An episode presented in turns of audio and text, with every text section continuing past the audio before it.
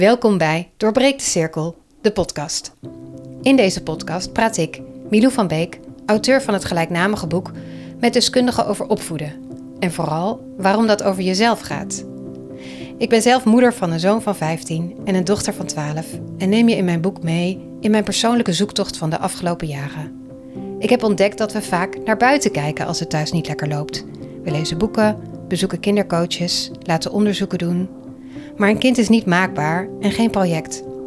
Als we gaan zien dat ze ons iets vertellen met hun gedrag, als we naar binnen durven kijken, naar wie wij zijn, hoe wij zijn gevormd en wat we daarvan meenemen in ons eigen gezin, heeft dat vaak een enorm effect op onze kinderen.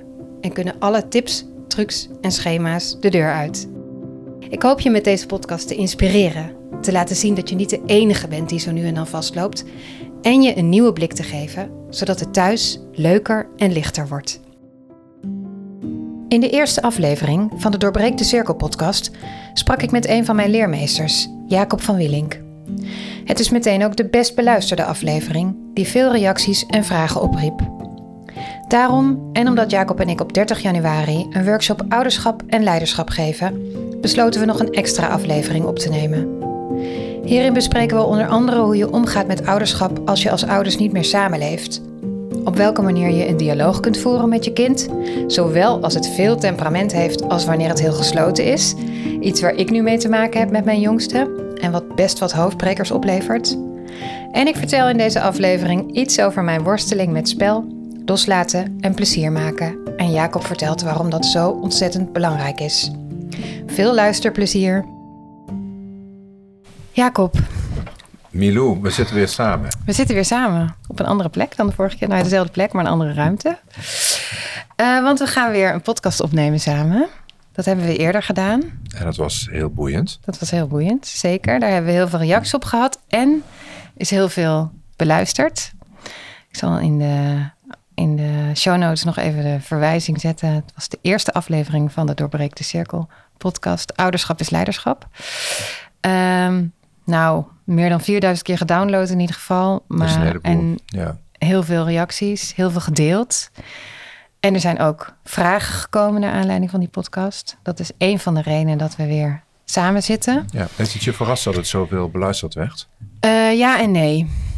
Ehm, ik heb natuurlijk met je gewerkt, dus eh, ik weet dat jouw visie ehm, wat oproept bij mij, eh, eh, maar ook bij anderen. En ik denk nu werd het, wordt, is het vrij breed gedeeld onder een hele grote groep mensen die misschien nog nooit, eh, ja, ik wil niet zeggen nog nooit zo gekeken heeft, maar wel een, een, een, ineens een nieuwe blik kreeg op eigenlijk een situatie waar zo ontzettend veel mensen mee te maken hebben, namelijk thuis. Ja, je zegt een, een visie. En dus waar, waar, waar, waar gaat het voor jou in essentie over, die visie dan? Ehm, een visie op verbinding, op ouders samen, op omgaan met emoties, op kijken naar je verleden. Mhm. Er worden heel veel dingen aangeraakt waar, waar we in het dagelijks leven mee te maken hebben, maar waar we niet zo naar kijken. Ja. Waar we er meer naar kijken als dat het zo snel mogelijk opgelost moet worden, weg moet, eh, georganiseerd, gecontroleerd. In plaats van dat we ermee kunnen zijn. En dat we meer, veel meer naar onszelf, naar binnen durven kijken. Ja, dus ook de ervaring dat ouderschap niet alleen maar een walk in the park in, Ja. de, in, de Efteling eh, is. Ja. Maar dat werkelijk ouderschap ook gaat over de donkere kant. Ja. Over de worstelingen die je tegenkomt. Die eigenlijk iedereen herkent. En dat werd heel erg erkend, denk ik. Maar daar werd ook even nog een prikje hier en daar gegeven. Ja. Dus we hebben eh, natuurlijk vooral heel veel positief. Maar er waren, ik wil niet zeggen dat kritische noten, kritische vragen, die waren er wel hier en daar. Omdat dat, ik denk dat dat logisch is. En dat zal je in je werk misschien vaker tegenkomen dat mensen zeggen, ja maar, ja, kom. Ja, maar dat is ook belangrijk. Dus als mensen Ja. kritisch zijn of als ze een ja maar hebben, gaat het ook heel vaak over nog niet weten hoe of dat verder moeten laten indalen of ja, met je handen in je haar zitten. Vaak komt een ja maar ook met de handen in het haar. Ja, ja. En dit is natuurlijk niet de makkelijke, per se de, de, de, voor zover de makkelijke oplossing bestaat. Maar dit is, dit is er een die veel van jezelf vraagt, ook de benadering die jij hierin hebt. Ja, dus leiderschap en ouderschap, zo heette volgens mij onze Ja, zo vorige heette die, podca- ja. podcast ook. Ja, dat is, het is fundamenteel een reis. Ja, En een reis waarin je als ouder ook diepgaand terechtkomt bij de grotere boog van je ouderschap. Dat je ook leert nadenken, de tijd neemt om na te denken, maar wat verwacht ik nou eigenlijk van mijn eigen ouderschap? Mhm. Wat verwacht ik daarin ook? Hoe dat met mijn partner, of ik nou met hem of haar samen ben, of dat wij gescheiden zijn, maar hoe verwacht ik dat we dat samen ook doen? Over de langere boog van de opvoeding. ja, En hoe verlang ik ook ernaar dat mijn kinderen over een aantal jaar, over vijf jaar, over tien jaar ook terug kunnen kijken op Ja. mijn ouderschap, op het gezinsleven, hoe we dat samen hebben vormgegeven. Je zou dat wel kunnen noemen, ook de roeping van je ouderschap. Wie wil ik nou zijn als ouder? ja, En welk, welk gedrag heb ik daarbij ook te laten zien? ja. Ja, dat is heel mooi natuurlijk, omdat we heel erg vaak vastzitten in alledaagse struggles. Ja, Als je wat verder weg kan kijken, dan geeft dat eigenlijk ook meteen een soort lucht. dat denk ik. En ik denk Ja. dat het ook de essentie is van leiderschap. Is ook het vermogen en, en het groeien in weten waar je naartoe streeft. Ja, Waar je dromen over gaan, waar je verlangen over gaat. Maar daar niet bij te laten. Want op het moment dat ik weet of een beeld krijg bij waar ik als ouder naar streef. Waarvan ik hoop dat mijn kinderen dat misschien ook over mij zullen gaan zeggen. Als ze 18, 19, 20 en, en nog veel ouder zijn. Ja, dan roept me dat ook op om vandaag ook met ze in dialoog te komen over wat ze dan ook van mij nodig hebben. En dat ze me ook kunnen spiegelen. En dat ik ze uitnodig om daarin ook kritisch naar mij te zijn. Dus de meeste ouders vinden het verdraaid moeilijk om dialogen te voeren met hun kinderen, überhaupt. Maar laat staan als daar ook een kritische noot komt ja, over bijvoorbeeld ruimte geven. Heel veel kinderen vinden dat moeilijk om dat uit te spreken. En als ze dat uitspreken van ik heb ruimte nodig, dan verkennen te weinig ouders. Maar wat, wat wordt daarmee bedoeld met die ruimte? Waar gaat het dan in essentie over? Hoe beleef je dan die ruimte? En ook de worsteling met hoe geef je dan uiteindelijk die ruimte? ja, Ik, ik moest eraan denken, Milou, toen we zaten te lunchen, toen kwam het op dat voor veel ouders herkenbare thema van magister. ja, Een in wezen mooie app, een mooie ondersteuning aan het leerproces van de leerling. Maar daarmee hebben we ook al de essentie gezegd. Het is een app ter ondersteuning van het leerproces van de leerling. ja, En wat, wat je ziet gebeuren daar bij Magister bijvoorbeeld, is dat ongelooflijk veel ouders worstelen met wanneer kijk ik daar nou in? Wanneer kijk ik daar niet in? En te weinig aan kinderen de vraag stellen, maar hoe zou jij willen dat ik daarmee omga? En kinderen die ervaren, zeker in die puberleeftijd, dat als ouders voortdurend in dat magister zitten te kijken. Eh, Eén keer per dag. Hoe staat het met de schoolprestaties? Wa- Wanneer is hij zijn schrift vergeten? Is hij vandaag wat te laat gekomen? Heeft hij gespijbeld? Hoe, nou, al die opmerkingen. Ja, het, alleen als ik het al zeg, krijg je benauwd. ja, krijg ik het benauwd. Ja. Dus kan ik in mijn eigen lijf al voelen hoe ongelooflijk benauwend dat is. Ja. En er zullen ook rondom magister veel ja-maren komen. Ja, maar Jacob, het is toch belangrijk dat Mhm. je betrokken bent. Dat je weet wat je kinderen doen. Dat is natuurlijk zo. Mhm. Maar ook hier ben je ook in staat als ouder om over die langere boog na te denken. En ook te zeggen, nou wacht even. eh, hoe ging dat ook alweer bij mij? Eh, Ja. Heb ik ook wel eens lopen vlieren fluiten? Heb ik ook de plank misgeslagen? Heb ik ook fouten lopen maken? Het antwoord is natuurlijk onmiskenbaar ja, één. Maar twee, eh, denk ook eens bij jezelf na. Wat heeft mij daadwerkelijk geholpen, ook in die puberteit, als het op school minder ging? En wat zou mij geholpen hebben? En ik geef je het maar gewoon meteen mee. Het antwoord zal meestal zijn, wat mij geholpen heeft, is betrokkenheid, is vertrouwen, krijgen daadwerkelijk in gedrag. En wat me geholpen zou hebben, is meer, meer betrokkenheid, is af en toe een vraag, maar is die ruimte? Ja, Dus kinderen kunnen zich, pubers al helemaal niet, in dat, in dat puberbrein wat zich totaal aan het vormen is met al die hormonen, met al die existentiële thema's van waar een puber mee bezig is. Vriendschap, seksualiteit, schoolkeuze, toekomst, eh, de stomme ouders, eh, de- de- de vervelende broer, dan weer leuke zus.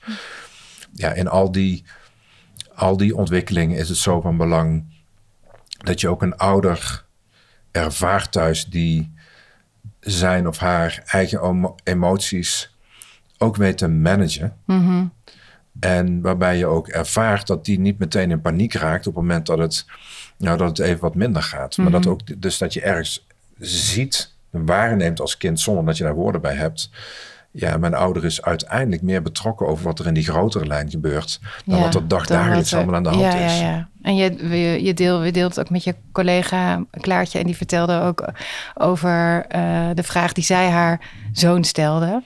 Ja, prachtig. Wat- ja. ja. Maar hoe zou jij willen? Als je het hebt over dialoog. Ja, hoe zou Ja. jij willen dat, dat ik met magister omga? En, Ja. en, en dat een zoon dan kan zeggen, nou wat ik fijn zou vinden is dat ik, als ik de cijfers krijg, ze met jou deel. Ja. Dat is ook een prachtig experiment. Om dat eens aan te gaan en dan eens te kijken na een aantal maanden, hoe, hoe werkt dat dan? Eh, gaat dat goed, gaat dat niet goed? En als het wel goed gaat, moeten we er meer van doen. Mhm. Als het niet goed gaat, mogen we een dialoog hebben over waarom het niet goed, goed werkt. Mhm. Maar het steeds wel in dialoog brengen. Ja. En want kun je dan nog uitleggen wat een dialoog eigenlijk is? Zeker als je het hebt over. We hebben het de vorige keer even wel aangeraakt ook. Het blijven stellen van vragen. Ja, dat is, dialoog is meer dan dat. Ja. Kijk, de essentie van dialoog. En ja, het is, het is waarschijnlijk een van de allermoeilijkste opgaves voor leiders en voor ouders. Dialoog gaat werkelijk over nieuwsgierig kunnen zijn naar de binnenwereld van iemand die tegenover je zit, met iemand met wie je in dezelfde ruimte bent. Dus ja, dat gaat zeker over het vermogen om, om een vraag te kunnen stellen. Maar eigenlijk gaat het nog veel meer de basale grondhouding van terug kunnen geven wat de ander dan ook aan jou vertelt. En wat hij ook aan je laat zien. Wat hij aan lichaamstaal laat zien, wat hij aan emoties laat zien en wat hij ook aan woorden laat zien. Dat is één ding. Dus dat, dat terug kunnen geven. En we zeiden misschien al eerder voor heel veel ouders en leiders die worstelen ermee omdat ze dat een papegaaien vinden. Maar op het moment dat ze daarmee gaan oefenen, dan zien ze de wonderen gebeuren. Ja. Want dit is een, Ja. een basale wetmatigheid van de verbinding. En ieder mens wil de fundamentele ervaring hebben van erbij horen en gehoord en gezien worden. Nou, hoe laat ik dat zien als ouder? Door ook terug te geven, hey, ik zie dat je boos bent. Ja. En op het moment dat je kind dan ook eigenlijk dat klopt, om dan, dan de dialoog verder te zetten, Ja. zou je bereid zijn om iets met me te delen over waarom je boos bent. Ja. Dus dat is één ding. En een ander ding bij dialoog, waar het vaak ook misgaat, is dat ik werkte gisteren met een, eh, met een echtpaar.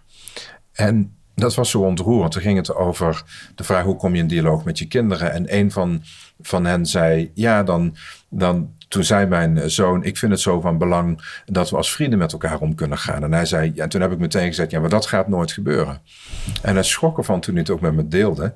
Toen ik aan hem vroeg van, en heb je toen ook aan hem gevraagd, maar wat, verstaat, wat je zoon verstaat onder vriendschap? Waar gaat het dan over? Dus we zijn zo geneigd om meteen als we iets aangeboden krijgen in ons eigen brein te gaan zoeken naar hoe wij erover denken, wat onze mening erover is. In plaats van op zoek te gaan naar wat is nou de diepere betekenis van wat mijn kinderen daarover willen, willen vertellen. Ja. En misschien zegt je zoon dan wel, nou onder vriendschap versta ik dat we samen veel meer plezier maken of dat we veel meer leuke dingen doen met elkaar. Ja. Want het is hier altijd zo verdraaid serieus in huis. Ja. Dus dialoog gaat over die nieuwsgierigheid naar wat gebeurt er in de binnenwereld van de ander. Het vermogen om dat terug te geven. Maar ook het vermogen om verder op zoek te gaan naar de betekenis van, van de woorden die een ander gebruikt. Of die een ander Ja. niet gebruikt. Ja, want eh, we hadden net eh, ook even een dialoogje. Ik vertelde iets persoonlijks over mijn dochter, die, eh, nou, waar het soms ingewikkeld is om een dialoog mee te voeren, omdat zij heel gesloten is. Ja, En wat jij dan doet, ik zit even te denken of ik dat nog goed kan verwoorden. Je, je gebruikt heel veel. Klopt het dan dat je, ja. waardoor ik heb heel erg het idee dat ik dan tegen een muur oploop bij haar, maar doordat je dat de hele tijd toetst, word je zo uitgenodigd om toch iets in ieder geval te bevestigen of te ontkennen, waardoor je in gesprek bent. Ja, precies. Dus het is En- de, de, fijn dat je dat hebt mogen ervaren. Ja. Dus het is de kunst om elkaar op die grens te blijven ontmoeten. Dus wat veel puberkinderen doen, is tegen jou zeggen: Ik wil het daar niet over hebben. Ja, Nou ja, dan kun je de conclusie trekken en tegen je partner zeggen: Nou, zie je nou wel? Ik had toch gezegd dat ze het er niet met me over wilden hebben. Dus je mag de grens wel respecteren. Nou, ik zou anders willen zeggen. Je, je hebt misschien wel de plicht om de grens te respecteren, ook als ouder. En dus als een kind aangeeft, ik wil het er niet over hebben, dring je jezelf niet op en dwing je de ander niet om het er wel over te hebben. Maar je mag wel vragen stellen over die grens. ja, Dus wat ouders vaak vergeten is op het moment dat een kind zegt ik wil het er niet over hebben, is om de vraag te stellen van oké, ik respecteer dat je het er niet over wil hebben. En zou je bereid zijn om iets met me te delen over waarom je het er niet over wil hebben? ja, En dan zul je gaan ontdekken dat kinderen dat vaak best wel willen delen. Ja. Maar dan gaan ze je ook vertellen de dingen waarom ze het er dus niet met je over willen hebben. En Ja. dat gaat dan vaak over, bijvoorbeeld, nou, ik heb dat nu twee keer geprobeerd en toen kwam ik eh, met wat er op school was gebeurd en toen zei wil ik het over hebben. Toen heb ik iets gedeeld en je kwam meteen met je adviezen. Je koos meteen partij voor de leraar. Je zei meteen wat ik allemaal zelf fout had gedaan. Dus ik denk, ja, nou dan laat maar zitten. Dan hoef ik het En dus dan niet ben je met dus je niet over meer te in hebben. dialoog. Ben niet meer in dialoog. Nee, nee, dus de kunst is om de hele tijd te luisteren naar en dan te kijken, klopt het dat je zegt dat? Ja, klopt. En dat je zegt, dat ik krijg Ja. de indruk dat, het geeft, je geeft me, ik krijg het gevoel, et cetera. Ja, Maar ja, nu komen we wel op, meteen op een ander punt, Milou. Want dialoog is ehm, op een bepaalde manier ongelooflijk uitdagend. Want het vraagt heel veel kilometers om dat te oefenen. ja, En ik zeg altijd tegen elke ouder: als je hiermee gaat oefenen en kilometers gaat maken, I promise you, you will see miracles. Ik beloof je, je gaat wonderen in je gezin ervaren. Dat is, dat is gewoon een garantie die, die, die, die, die te geven is. Waarom? Omdat kinderen dit uiteindelijk van genieten. Dus kinderen genieten ervan als Ja. ze zien dat ouders met ze in verbinding proberen te komen en ook niet opgeven. ja, Dus dat is op een bepaalde manier eenvoudig. Je kunt dat leren. Dat is kilometers maken, dat is oefenen, feedback daarop krijgen. Maar het allerbelangrijkste is om een dialoog te kunnen voeren, moet je er wel werkelijk zijn. Dus het vraagt ook, we hadden het eerder misschien wel over de idee van de secure base. ja, Hè, die, die aan de ene kant de, de veilige plek waarin je elkaar kunt ontmoeten. Maar die veilige plek die ook gebruikt wordt voor experiment, voor leren, voor, voor die nieuwsgierigheid naar wat de volgende stap zou kunnen zijn.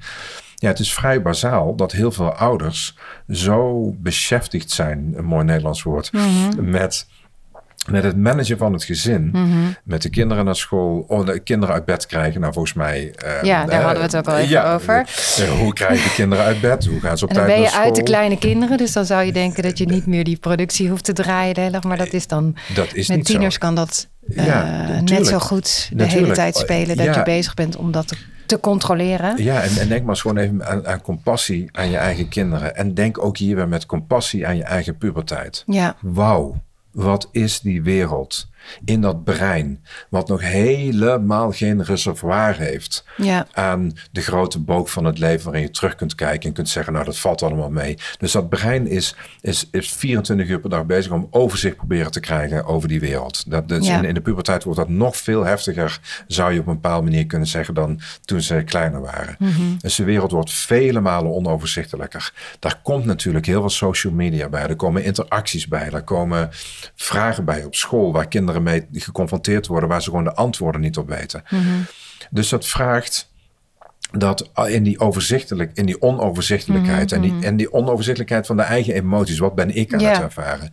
Dat vraagt een plek waarin ouders voorgaan in dat je, dat je daar niet gek door door hoeft te laten maken. Dus dat ze daar de rust bij kunnen bewaren. ja, stap Maar ja, voor stap. Ja, stap voor stap. Ja. Maar als een ouder toch vooral bezig is met het managen van dat gezin. eh, Mhm. dus hoe laat ga je naar school? Eh, hoe laat kom je weer terug? Wanneer begint de hockey? Heb je huiswerk gemaakt? Zit je kleren in de was? Ja. Ik had je toch gezegd dat de tas daar moet liggen. Mhm. Dus als, als de ouders toevoegen doordat ze zich te veel bezighouden met dat managen. Mhm. Te veel bezighouden met het managen. En daardoor te weinig bezig zijn met die werkelijke verbinding maken. Dan krijgt het kind ook voortdurend signalen van stress. Ja. De stress van de ouders die overslaan naar de kinderen. En ik moet denken, eh, Milou, aan een, aan een ervaring nu van een jaar of tien geleden... toen ik met een Amerikaanse FBI-man werkte... rondom ouderschap en leiderschap. En hij zat bij mij in een programma... En dat was een ontzettende liefdevolle vader. Nou ja, de, de, de, de liefde voor zijn kind spatte er vanaf. En het was, een, het was ook een klassieke politieofficier. Was ook iemand van, van tucht en orde. Maar wat was nou zijn probleem? Dat hem dat niet meer lukte. Dus eh, hij, hij was midden, midden 30 en hij zei: Ja, weet je, op mijn werk is het allemaal één grote eh, successtory. Dat gaat allemaal hartstikke goed. En het lukt mij thuis niet meer om orde te handhaven. En daar baalde hij echt van. Want hij zei: Ik wil ook mijn kinderen structuur mee kunnen geven. Ja. ik, wil ze ook, nou, ik wil ze ook leren hoe je dat moet doen. En toen stelde ik hem de vraag of hij voldoende met zijn kinderen speelde. Ja, En toen zei hij: Nee. Ja. En het korte antwoord was Ja, nee. dat want- weet je dan ook meteen, hè? Ja, Dat hij is- zei nee. En ehm, hij zei, ja, we doen natuurlijk leuke dingen met elkaar, maar we spelen te weinig. En Ja. toen zei ik, goh, zou je, ben je bereid tot een experiment? Toen zei hij, ja zeker. Hij had kinderen zo eind lagere school, eh, begin middelbare school. Toen zei, nou, wat ik je toe wil uitnodigen is om de komende maanden elke dag als je uit je werk komt, als eerste één ding te doen. Nadat je je partner hebt begroet, is dat belangrijk. Ja, ja, ja. Eerst je de- partner begroeten, ja, hadden we de vorige keer luister de vorige Oh, ja. podcast. Je luistert de vorige podcast. Maar nadat je je partner hebt begroet, is met je kinderen zo gedurende een kwartier, twintig minuten eh, op de grond te gaan zitten. eh, Ja. en, en met ze te spelen. Eh, en wat ze ook willen dat je met ze doet. Dat te doe doen. je. Ja, te doen. Ja. Dus of ze op, Ja. op je rug willen zitten, het gewoon voor de Ja. jonge kinderen. Als ze op je rug willen zitten, hondje spelen, of paardje spelen, doe je dat. Moet er getekend worden, teken je. Kijk je mee naar de meest onzinnige TikTok-filmpjes. Dan kijk je mee naar die TikTok-filmpjes. Je, je sluit aan bij, de die belevingswereld. bij de belevingswereld. En dat doe je op een moment, en dat is waar leiderschap en ouderschap zo over gaat. Dat doe je op het moment dat je thuis komt, dat je kop hartstikke vol zit, dat je moe bent, dat je eigenlijk denkt, nu wil ik helemaal niks Dat aan mijn hoofd hebben. Hij Dat is natuurlijk waar, ja. Ja, want wij hadden het er net ook al even over. En eh, daar, daar, eh, ik doe best veel leuke dingen met mijn kinderen. Maar dan doen we dat in de vakanties. Of op zaterdagmiddag of op zondagmiddag. En gedurende de week is er natuurlijk toch van alles wat aan je trekt. Natu- ja, dat is gewoon zo. Van het huishouden tot je leven, tot die telefoon, tot Ja. je werk wat niet af is. Eh, en zeker met tieners merk ik ook. dan, ja, je gaat geen puzzels meer leggen. Of, en zij zitten ook net zo lief op hun telefoon. Mhm. Dus voor je het weet, eh, ben je gewoon, eet je nog net samen en dan ga je allemaal weer je eigen ding doen. Ja, dus dat vraagt inderdaad dat- wat, hè? Ja, Ja, en, en, dat- en dit vergeet je, ja. het- de, de vergeet, je vergeet ja, ik gewoon. denk dat een eh, realiteit ja. is. Dat je vergeet om plezier te maken, maar dat je je ook hebt te realiseren dat het reservoir wat een kind opbouwt in de zomervakantie en Mhm. in de weekenden is onvoldoende Ja, om ja. gedurende de week, die vijf dagen in de week waarin die volle wereld op je afkomt, te kunnen containen, te kunnen handelen. Ja, Dus dat vraagt dat er ook niet alleen op de kamer achter de computer en met gamen, want er is over niks mis met gamen. Dat is, dat, nee, nee, nee. nee. dus het is- Ba- maar als je natuurlijk steeds allemaal je, alleen maar je eigen dat is het probleem. dingetje doet. Dat is het probleem. Dus Ja. je hebt ervoor te zorgen, het mogelijk te maken, te onderzoeken hoe jij als ouder iets kunt doen waardoor je op dagelijkse manier, bijna dagelijkse manier, iets van plezier met elkaar maakt. Ja. Waardoor kinderen voelen, oh wacht even, er wordt, hier, er wordt hier ook gewoon lol gemaakt. We, zijn, we hebben het leuk met elkaar. Ja. En het hoeven geen grootse en meeslepende dingen te zijn. De meeste kinderen zitten niet te wachten dat er elke dag hele heftige dingen Nee. gebeuren. Integendeel, want ze hebben genoeg aan hun eigen kop. Ja. Maar dat ze wel voelen dat ze... Nou, het interessante met tieners is natuurlijk dat je nog meer moeite moet doen. Je denkt dan als ouder van, ah, hè, weet je, we, hebben die, we zijn uit die heften, die zorgen. Maar bij tieners heb je nog, je hebt veel meer moeite te doen om ze erbij te halen. Want ze zullen eerst, niet alleen omdat jij het bent, maar ook omdat die telefoon aan hun trekt, je nog tien keer afwijzen voordat ze eh, met je aan tafel gaan zitten, rummy cup of, of wat je ook bedenkt om te gaan Dat klopt. doen. Dat klopt. Dus het is, nou, als het gaat ook hier over zelfleiderschap van de ouder, te veel, kind, te veel ouders zijn bezig met het idee dat ze door hun kinderen worden afgewezen. Maar je Ja. hebt je te realiseren, jouw kinderen kunnen jou niet afwijzen. Dus als jij je als ouder afgewezen voelt door je eigen kind, Mhm. dan heb je je huiswerk te doen.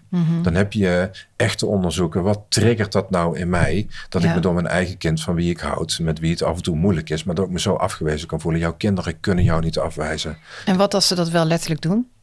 Door de deur dicht te gooien. Ja, te zeggen, ga weg, eh, laat me met rust. afwijzen. Dat, is, dat kun je niet leuk vinden.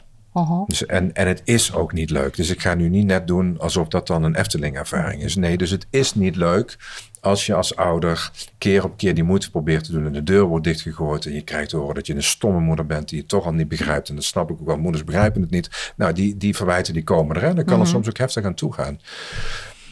Belangrijk is dat een kind wat aan het opgroeien is. En wat de veiligheid van de hechting aan het onderzoeken is, want dat is wat er op een diepe laag gebeurt. Feitelijk aan het onderzoeken is: blijf jij dan komen? Ja, Blijf je terugkomen? En op het moment dat je als ouder dan te voorzichtig gaat worden, omdat jij dus denkt: ja, wacht even, nu krijg ik dus weer die deur tegen mijn neus aan. Op het moment dat jij voorzichtig wordt naar je kinderen, is dat het signaal naar diezelfde kinderen dat je ergens bang voor ze bent, dat je voorzichtig met ze wordt en dat je dus onveilig voor ze bent. Dus gek genoeg wordt het voor kinderen ook pas veilig als je als ouder ook laat zien, maar ik blijf wel komen. Dus ik geef niet op.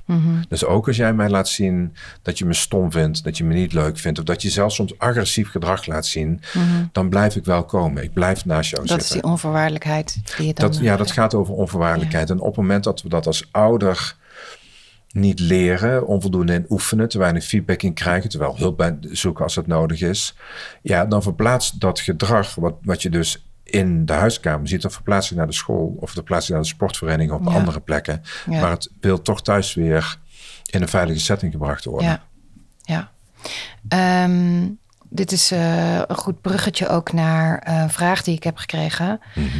Namelijk, wat als, je, als het echt heel moeilijk is om in verbinding te blijven, omdat je kind de pan uitflipt?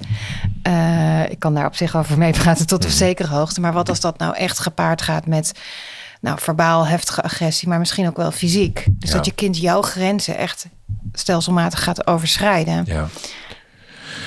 Nou, dat is een hele, een hele belangrijke vraag. En ik denk dat twee dingen in essentie daarbij opgemerkt mogen worden. Eén is, er zijn situaties waarin de agressie, verbaal of fysiek, Mhm. dat komt ook voor. En dat is voor ook veel ouders een schaamtevolle ervaring, waarin er ook agressie plaatsvindt van het kind naar de, naar de ouder. En, en als je dat meemaakt, dan is dat ontzettend intens. eh, want je houdt en van je kind en je wilt ook je grenzen kunnen bewaken. Dus er zijn natuurlijk situaties waarin je ook als ouder moet zeggen: hier moet ik echt externe hulp bij inschakelen. En dat kan soms ook eh, zelfs ook de jeugdhulp zijn, hè, of, of andere instanties die jou daarbij kunnen helpen. Ehm, dus dat wil ik als eerste belangrijk gezegd hebben. En gelukkig zijn die instanties eh, er ook. Toch is er ook een andere kant. En die andere kant die gaat er ook over hoe leer je ook agressief, agressieve uitingen niet meteen te labelen als iets problematisch. En natuurlijk is het niet oké als een kindje aanvalt en naar de nek vliegt. Dat is helder. Maar wanneer is het voor jou agressief? Eh, wanneer label je het ook als agressief? Is dat als een kind een keer eh, een, een gat in de deur schopt? Of is dat een keer als een glas kapot gegooid wordt? Of als er een keer een bord valt? Of als er een keer heel hard gevloekt wordt? Dus de neiging is dat hoe sterker de trigger, met name als het gaat over boosheid en woede, hoe sterker de trigger, hoe eerder ik als ouder ook geneigd ben om, om daar zelf zodanig van te schrikken, dat ik het gevoel heb dat mijn grens wordt overgegaan. En dan proberen dat een halt toe te roepen en te zeggen: dit mag niet gebeuren, of ervan in paniek te raken, of terug te gaan duwen.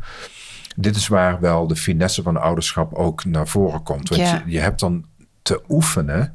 En dat is buitengewoon tegen natuurlijk. Dus wil ik tegen de luisteraar ook meteen zeggen: dat is buitengewoon tegen natuurlijk. Maar hoe leer je dan ook zelf dat ook over met je, in met je partner in gesprek te zijn. En misschien ook met, met vrienden in gesprek te zijn. Want hoe leer ik dan een andere beweging te maken? Van wel Ja. te zeggen tegen je kind dat je ervan schrikt. Dat je niet zo goed weet hoe je moet reageren. Maar dat je wel ook wilt onderzoeken waar die boosheid vandaan komt. En dat je samen stampvoet. Dat je samen leert, leert mappen. Dat je samen leert boksen. Dat je, dat je dingen doet waardoor een kind in ieder geval mag ervaren. En moet ervaren dat die emoties van boosheid, van kwaadheid, dat die richting kunnen krijgen. Ja, Dus het allerbelangrijkste is dat het focus en richting krijgt. Dus dat Mhm. een kind leert dat, dat ook boosheid een buitengewoon gezonde emotie is. Ja. Want boosheid gaat over grenzen, ja, gaat over je kracht mogen ervaren, gaat erover ook men, kun, je, je nee kunnen laten horen, ook kunnen zeggen, ook in een ouder of, of tegen een ouder of een broer of een zus van, ja, hier, hier sta ik, daar sta jij. En als kinderen niet leren dat die boosheid, dat ook die, die woede, dat die een plek krijgt, ja, dan, dan kan het uiteindelijk alleen maar naar binnen slaan of naar Ja. buiten slaan. Dus dat, Ja. daar, daar, daar heb je mee te daar oefenen. heb je mee te oefenen. en dat is oefenen. natuurlijk, we hebben het de vorige keer ook daarin gehad over kleinere, jongere kinderen. En als het natuurlijk gaat over een 16, 17, 18-jarige die zo kwaad is, dan Ja. is dat, eh, Ja, dus, dus dat, dat, dat is heftig. ja, En, en dat kan voor mannen en voor vrouwen ook weer verschillend Ja. zijn. Hè? De, de, de, de- we kunnen daar zo onze eigen reis in maken. Maar ik denk toch ook wel, bijvoorbeeld zeker ook voor jongens. Als ze puber worden, is het ook van belang om ook vaders te ontmoeten daarin. ja, Die, die daar ook naar voren durven te stappen. En die ook laten zien op een bepaalde manier, op een speelse manier. Dat, dat ze niet bang zijn om een keer een klap te krijgen. ja, En dat ze ook durven terug te duwen. Dat ze ook Ja. durven te worstelen met elkaar. En dat een kind ook kan ervaren: oké, dus ik mag hier wel mee naar voren komen. Mhm. Dus het brein houdt ervan als het gaat over die emoties om op het verkeerde been gezet te worden. Dus, dus je bedoelt eh, zo'n tiener die wij spreken uit zijn pan eh, flipt en naar verwacht van ouders in ieder geval niet dat, dat, dat je dan gaat stoeien. Nee, precies. Maar Ja. dat is wanneer er veiligheid ontstaat. Ja. Dus veiligheid tussen een ouder en een kind ontstaat altijd vanuit spelen. Ja, spelen in de verschillende variaties waarin het eh, eh, zich aandient. En nagelang de leeftijd, zowel van het kind als de ouder mogelijkerwijs. Maar veiligheid ontstaat vanuit spelen. Ik vind het zo, eh, ja. Ik weet niet of dat meer mijn generatie. Ja, wij zijn van hetzelfde bouwjaar. Maar ik, ik, dat is toch niet iets wat ik niet ken eh, zelf. Zo, dat, dat spelen. Of dat nou is omdat je om allerlei redenen een serieuzer eh, kind eh, was. Of omdat mijn ouders niet zo speelden. Mijn vader was heel creatief, is was kunstenaar. Dus die, die, die speelde wel degelijk. Maar toch dat spelen is toch iets. ehm, Ja, wat we. ja, dat, ik wil niet zeggen dat het iets raars is, maar het is, Ja, het- het is iets wat niet helemaal klopt of nee, zo. nee, precies. We spelen moet het, vaak. het is gewoon serieus. Het leven is serieus. Ja, het is, je moet een se- serieus leven. En- terwijl ik heel erg van grapjes hou. Zo. Dus dat is het niet, maar wel. Het is Het een serieuze aangelegenheid. op. Ja, het is een serieuze aangelegenheid. Die, die ja. En, en met jonge kinderen kun je daar dan, want dat, met jonge kinderen doe je Lego en Playmobil en puzzels. En dat doe je. Ja, en met, Of je het nou leuk vindt. Of ja, niet. en met puberkinderen doe je toch weer andere dingen. Maar, maar dat, de- inderdaad, dat spelen, zo gauw ze dan, zeker zo gauw ze puur worden, denk je dat spelen. dat- Ja, de spelen. spelen. eh, eh, kent verschillende. eh, dat, dat zei ik al, hè, dat kent natuurlijk verschillende manieren. De spelen betekent niet meteen tekenen of, of Lego maken. Alhoewel dat ook heel erg leuk Ja. kan zijn. Dus waarom zou je niet met je Nee, ja, puberkinderen zeker. technisch Lego Ja. doen? Maar spelen kan ook, de, kan ook zijn eh, samen de hond uitlaten. Ja, De spelen is vooral, gaat De op een ja. de ontspanning, De aanbrengen, de context creëren waarin ontmoeting plaats kan vinden. Dus dat geldt tussen eh, partners ook. Hè? Op het moment dat je als partner niet meer met elkaar speelt, als je geen date meer met elkaar hebt, één keer in de zoveel tijd, één keer in de week, een avond waarin je met elkaar fijne dingen doet, ja, dan, dan, dan, dan, dan trekt de energie ook uit de Ja. relatie weg. ja, En dat heeft op alle fronten, eh, op de seksualiteit, op de gesprekken die je voert, op de, op de dingen die je om, heeft dat een effect. ja, Dus ook, ook partners moeten met elkaar leren spelen, ja, eh, steeds opnieuw. Ehm, ja, en dat is met kinderen dus ook zo. Ja. Samen wandelen, eh, samen een, Ja, een, en je- een- en je- een vader-zoon weekend, een moeder-dochter weekend, een moeder-zoon weekend. En in het dagelijks leven dus proberen eh, eh, wat, ja, de luchtigheid en de ontspannenheid. En dat het niet allemaal hard werken en, en zwoegen. En, ja, en dan niet zo moeten. bovenop zitten. ja. Ja. Niet zo bovenop zitten en, en, ja, en ruimte geven voor de pijnlijke emoties. Zeker ook als het gaat over gezinnen waar scheiding heeft ja, plaatsgevonden. want dat is waar de meeste vragen eigenlijk op, eh, op terugkwamen na de vorige aflevering. Want die ook gaat over dat de ouder, dat de partnerrelatie voor de eh, kinderrelatie, zeg ik dat goed? Ja, ja dus de, Ja, de de- partnerrelatie gaat altijd voor, Voor- de, ja. voor de ouder-kind eh, Ja. Ja, en wat waren En- de vragen die dan erover kwamen? Ja, hoe je dat dus doet als je niet meer met je partner samenleeft. ehm, in, in een huishouden, dus de- als je gescheiden bent, dat je en, nou ja, dat die partnerrelatie dat dan niet meer op die manier is. Maar ook dat je, omdat het ook ging bijvoorbeeld over vaderschap en, Ja. en vaders en dochters, dat je daar, de, de vraag kwam van vrouwen, van moeders, Ja. dat je daar dan geen invloed meer op hebt. Nou, dat is natuurlijk helemaal niet waar. Het gevoel hebt dat je ja, daar geen ja invloed dat, nou, dat kunnen, we, dat, dat kunnen we denk ik heel snel meevoelen. Maar je hebt daar ongelooflijk veel invloed op, op een aantal manieren. En daarmee is het niet meteen allemaal maakbaar. Maar waar je invloed hebt, is op bijvoorbeeld wat jouw bijdrage daaraan is op de manier hoe je gaat scheiden. Hè, als, je, eh, als je gaat scheiden.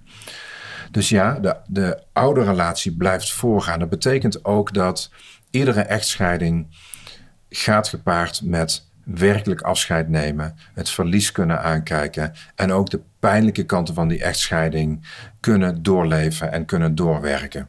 Idealiter samen met jouw aanstaande ex-partners. Een van de, er zijn een grote paradox, maar een van de, nou, de meest ongezonde dingen die je op een bepaalde manier kunt doen, is gaan zeggen, nou, wij gaan het op een dusdanige goede manier doen. Wij blijven natuurlijk vrienden, wij blijven ouders van elkaar, dus wij gaan het op een prachtige manier doen. De intentie is goed.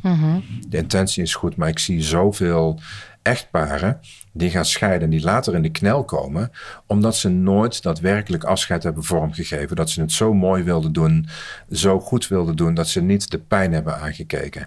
Je zult eerst afscheid hebben te nemen van het feit dat je partners van elkaar was, was met alles wat daar mooi en lelijk aan was, om ook weer terug te kunnen komen in een nieuwe relatie die gaat over ouderschap. Dus als je die pijn niet neemt, dan zijpelt dat door uiteindelijk ook in de relatie uh, met je kinderen. Dus dat is één heel belangrijk ding. Hoe neem je afscheid? En als dat niet meer kan in verbinding met je ex, heb je het op een andere manier te doen. Maar je hebt het te doen. Dan, moet je het zelf doen? Of dan, nou, dat, dat, ook daarvoor zijn zoveel. Als ik bijvoorbeeld kijk naar de programma's die ik zelf leid, waarin echtscheiding uh, vaak ook een thema is. Van, van ouders die gescheiden zijn en die met, nog met diepe gevoelens van uh, zoveel verschillende gevoelens. Van spijt, van wrok, van, van boosheid, van teleurstelling, van verdriet zitten.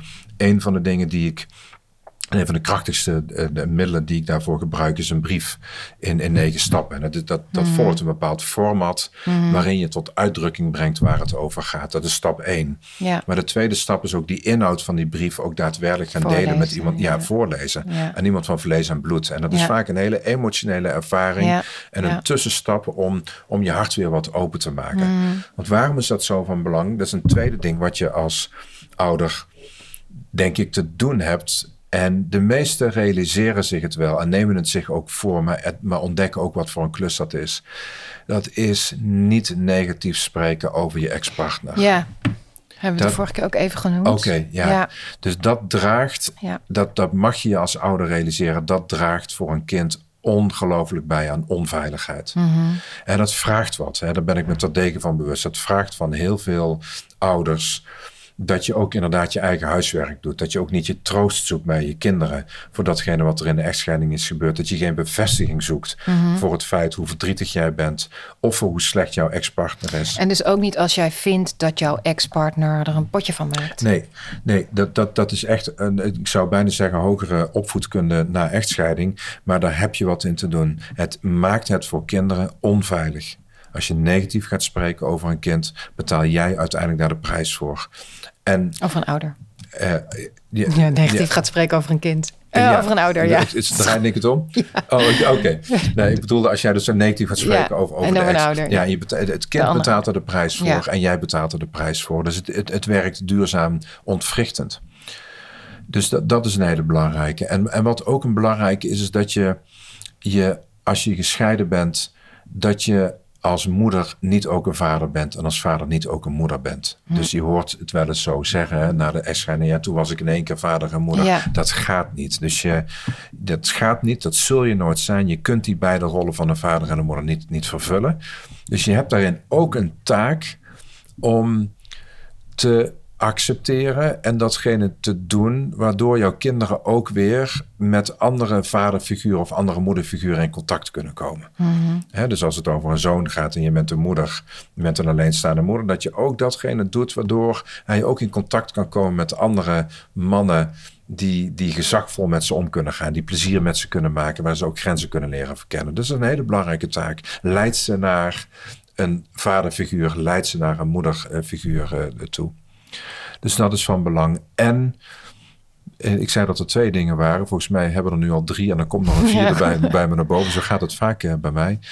Is dat die erkenning van de rouw waar een kind doorheen gaat, die is essentieel. Mm Bijvoorbeeld waar het bij samengestelde gezinnen nog alles in de knel komt, is dat als ik vol van de gloed ben van mijn nieuwe liefde en, en we willen daar iets moois van gaan maken. Nou, dat kan natuurlijk ook. Je mhm. kunt daar ook iets moois van gaan mhm. maken. Maar de manier om er iets moois van te gaan maken is diepgaand gedurende een langere tijd. En niet één week, twee weken, drie maanden, maar gedurende misschien wel die hele puberteit met enige regelmaat erop terug te komen bij je kinderen en erkenning te geven van het feit dat er iets veranderd is. Dus dat die oude oorspronkelijke gezinssituatie er niet meer is en erkenning te geven en op onderzoek te gaan daar waar dat voor de kinderen ook pijnlijk is geweest. Mhm. Dus als kinderen niet die ruimte ervaren om papa is hartstikke verliefd of mama is hartstikke verliefd. En nou, dat ziet er allemaal leuk uit, maar van binnen voel ik heel wat anders. De neiging kan zijn van de ouders om daar dan negatief op te gaan reageren. En de kinderen te blamen voor het feit dat het nieuwe samengestelde gezin niet werkt. Niet lekker loopt, ja. ja. niet lekker loopt. In plaats van te onderzoeken, wat doe ik in het erkennen van het feit dat zij uit een hele andere wereld vertrekken. En voortdurend ook met die loyaliteitswisseling te maken hebben. Ja. Dus dat is een groot geschenk wat jij kinderen kunt geven. En daarin gebeurt natuurlijk ook nog wel dat niet elk kind het zal zeggen. Nee, Heel veel kinderen zullen het niet zeggen, om tal van redenen. Eén, omdat ze ervaren dat pa of ma er toch niet naar vraagt of niet naar luistert op het moment dat ze zeggen dat ze verdrietig zijn of er moeite mee hebben. Eh, of aan de andere kant, omdat een kind ook niet wil dat jij ongelukkig bent. Ja. Dus ze willen er ook een bijdrage aan leveren. Dat jij weer gelukkig bent. Want als jij gelukkig bent, heb ik weer minder last van jou. En, en dus dat is, zo, zo gaat dat samen. Maar blijf daarover in gesprek. Ja. Te veel wordt er voorbij gegaan. Dat is een, sowieso een grondthema in gezinnen. Maar zeker ook in dit soort situaties. Te veel voorbij gegaan aan de pijnlijkheid. En het pijnlijke effect van een scheiding. Ja. Ja, omdat, ja. Nou ja, ik, ik zit, het is natuurlijk heel logisch. Het is zo logisch Ja, het is logisch, maar het is niet voor leuk. je. Nee, nee. Nee, en, en als, je daar, als je daar binnen nou in die scheiding bijvoorbeeld gewoon echt heel slecht contact hebt met je ex-partner. Ehm, n- nou, op, op nummer één, dus dat, dat deel je niet met je kinderen. Maar wat nou als, je, als dat je zo. Ja, ik bedoel, als dat je frustreert in de zin van dat, dat het je dus niet lukt Ja, om samen. nou, Kijk, je hoeft natuurlijk niet, eh, het niet er krampachtig over te doen. Dus je mag best met je kinderen ook delen dat, dat het moeilijk is. Dus dat, dat, dat dat contact moeizaam gaat. Dat hadden ze trouwens toch al door. Dus als je dat zegt, Ja, dan, dan dan zeg je niet zeg waarschijnlijk je niks nieuws. niet niks nieuws. Maar ik denk twee dingen. Eén is zorg ervoor. Dat heb je gewoon te doen. Leg die frustraties niet bij je kinderen neer. Jouw Nee. kinderen zijn daar niet voor Zoek verantwoordelijk. daar een andere plek ja, zoek voor. daar een andere plek voor. Ja. Zoek daar een plek voor bij vrienden, eh, ehm, in de vereniging, door, eh, door zelf afleiding te zoeken, door waar het nodig is, daar een, een therapeut of een, of een mentor bij te zoeken die je bij, daarbij kan helpen. Dat is één ding. Maar een ander ding is ook, ben je ook bereid om zo diep te gaan om te onderzoeken waar je misschien jezelf ook voor te vergeven hebt, waar je je ex voor te vergeven hebt om jezelf niet vast te houden in de woede en de frustratie die je ook eh, bij je draagt. Dus ben je ook bereid om datgene te doen wat nodig is om weer op een nieuwe manier met je ex in contact te komen. En vaak zijn ex-partners zo verzuurd en zo gefrustreerd geraakt. Dat ze daar een blinde vlek voor hebben, hoe Ja. die verzuring en die frustratie heel veel mensen in ja, de dat is omgeving. eigenlijk alleen vanuit hun eigen. ja, ja, precies. Ja, Precies, de, de, de, de, wereld is uiteindelijk belangrijker en mooier dan jouw zuurheid. Hmm. Dus zet dat zuur ook weer om in zoet. Want Ja. uiteindelijk ga je er zelf kapot aan. Je kinderen gaan er kapot aan. Je bent jarenlang bezig, tientallen jaren lang vaak, met herstelwerkzaamheden als je er al aan toe komt. Dus iedereen lijdt eronder. En dat Ja. betekent niet dat je niet boos mag zijn. Integendeel, want je kunt boos zijn, je kunt woedend zijn, je kunt verzuurd zijn. Maar laat die woede en die verzuring er niet aan in de weg staan. Dat jouw kinderen, in ieder geval jouw kinderen, weer de weg verder kunnen lopen in het leven van meer vrijheid, meer plezier. Opdat zij ook vertrouwen houden in de liefde. ja, ja. Zeggen wij, hè? Twee, twee kinderen van gescheiden ouders. Dat, dat zeg, ja, ja, dus we hebben ook onze Ja. eigen prijs ervoor moeten betalen. Ja, Ja, ik vind het een mooie afsluiting. Wat jij. ik vind het ook een mooie afsluiting. We zijn het- alweer een hele tijd Vooral dat zoet, daar sluiten we mee af. Dat zoet en dat spelen, daar sluiten we mee af. Mooi. Dankjewel. Tot de volgende. Dankjewel voor het luisteren naar de Doorbreek de Cirkel podcast. Jacob en ik geven samen de workshop Ouderschap en Leiderschap op 30 januari in het klooster in Husse. Als je daar vragen of opmerkingen over hebt, kun je me altijd een DM sturen op Insta of een mailtje. In de show notes vind je de adressen.